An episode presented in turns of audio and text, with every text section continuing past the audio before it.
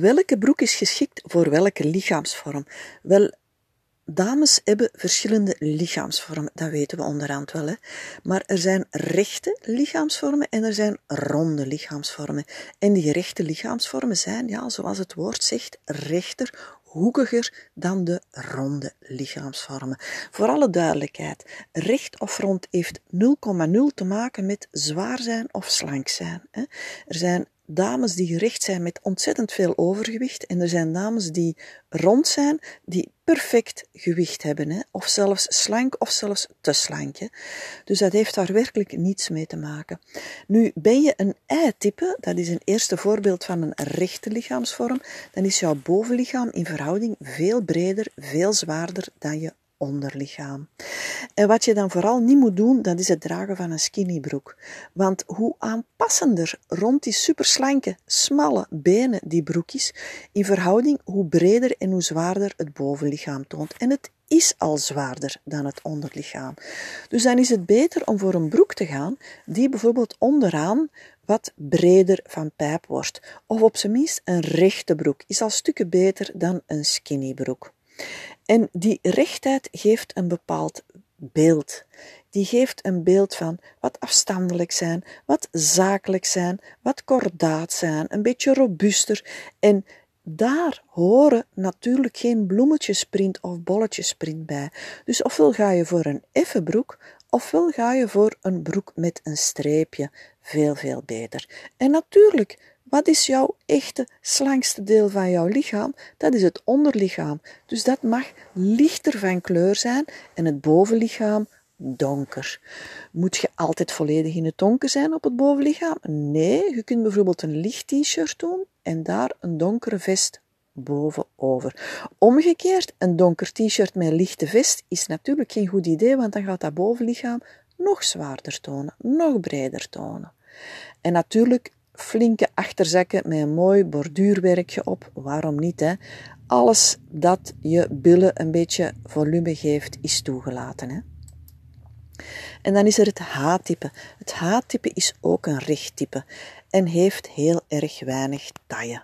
Het is overal bovenaan, onderaan in verhouding even breed. Um, en dus zij het H-type heeft het voordeel dat ze ofwel bovenaan of onderaan, licht of donker of omgekeerd mag dragen, maakt niet uit, maar ook uniekleurig. En dat is een voordeel, want een uniekleurige outfit is altijd slank. Altijd. Pijpen, die mogen recht zijn, die mogen wat breder zijn, die mogen skinny zijn, dat maakt zo niet uit. Een rechte print, natuurlijk, ah ja, in harmonie met het rechte lichaam. En achterzakken met wat garnituur om wat volume te geven aan de billen, zeker en vast. Hè? En dan hebben we het X-type. Het X-type is ook een recht type, maar een recht type met een geprononceerde taille, met een fijne taille.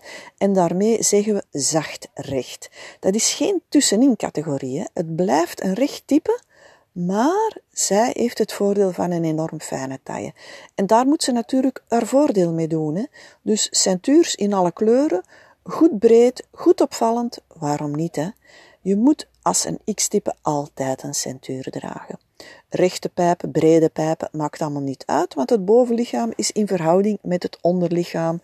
Dus daar maakt het niet zo uit welke breedte van pijp dat je kiest. Uniekleurig mag natuurlijk, hè. Waarom, niet, waarom niet profiteren van dit voordeel? En dan natuurlijk een rechte print, want het blijft een recht lichaam.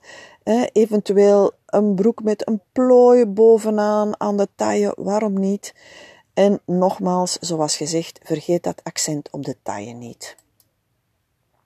En dan heb je het rechte A-type. Dat is ook een recht type, maar zacht Waarom? Omdat dit rechte A-type een ontzettend fijne taille heeft. Dus opnieuw hier centuurs, centuurs, centuurs. In alle felle kleuren, dragen maar. Fantastisch voor een A-type is een t-shirt met een boothals.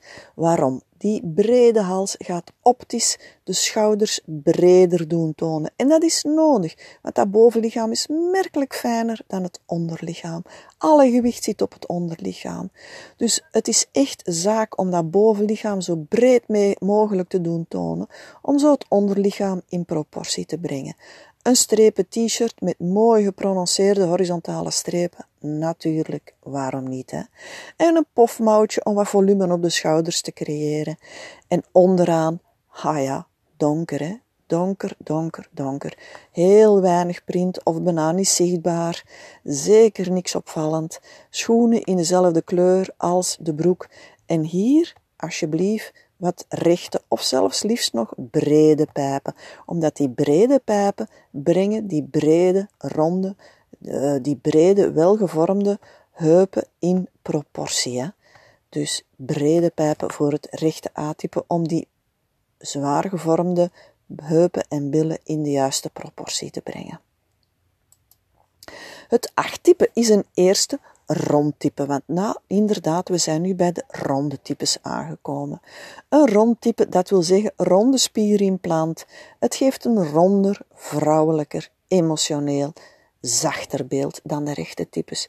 Het achttype is bovenaan, onderaan min of meer even breed, met een super fijne taille. Dus je hoort me al komen, waar is die centuur? En uniekleurig mag uiteraard bovenaan licht, onderaan donker, omgekeerd, mag ook, maar gebruik toch het voordeel van de uniekleurige outfits. Een ronde print, een ronde print, zeker en vast. Waarom niet? Dat lichaam oogt rond, dus je creëert het beste harmonie door met ronde elementen te werken.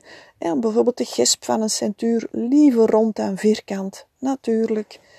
En een soepelvallende stof. Stijve stoffen gaan extra volume aan het lichaam toevoegen.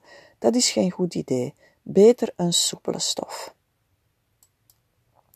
En dan heb je het rond A-type, ook een rondtype, maar hier opnieuw onderlichaam merkelijk veel zwaarder dan het bovenlichaam. En natuurlijk mag je alles doen om dat bovenlichaam breder te doen tonen. Een boothals, een pofmouw, een drukke print, felle kleurcombinaties, waarom niet? En die heupen en die billen zijn in verhouding zwaar. Om die in proportie te brengen, alsjeblieft, een rechte of zelfs nog veel beter, een brede pijp. En die schoenen in dezelfde kleur als de broek. En een donkere broek. Hè. Een broek in een donkere kleur, veel, veel beter. Die aandacht moet werkelijk naar de taille en het bovenlichaam gebracht worden. Een soepele stof, want het is een rond lichaam. En dan komen we bij het O-type. Het O-type is het enige type waar heel dikwijls toch wel sprake is van wat overgewicht. Uh, deze dame heeft nauwelijks taille. Al het gewicht zit op het bovenlichaam, niks, heel weinig op het onderlichaam. Die benen, slanke benen, zijn werkelijk haar pluspunt. Dus bovenaan donkere kleuren of een licht t-shirt met een donker bovenstuk erover. Geen goed idee is het om een licht, licht stuk te dragen met daaronder een zwarte of een donkere t-shirt, want dan gaat het bovenlichaam nog zwaarder tonen. En accessoires, hè, zodanig zorg ervoor dat die accessoires in dezelfde kleur zijn als je broek, als je schoenen, zodanig dat je verticaal een verbindende lijn krijgt tussen de schoenen, de broek en de hals, die bijvoorbeeld een, een sjaal in de kleur van je broek of je schoenen en dan krijg je optisch een verbindende lijn en dan ga je automatisch slanker tonen. Hè. Die broek die mag in een lichte kleur, waarom niet? Het zijn jouw pluspunten, ze mogen gezien worden. En liefst van al een ronde print, zo'n rond lichaam. En dan een hoekige rechte print, dat is helemaal geen goed idee.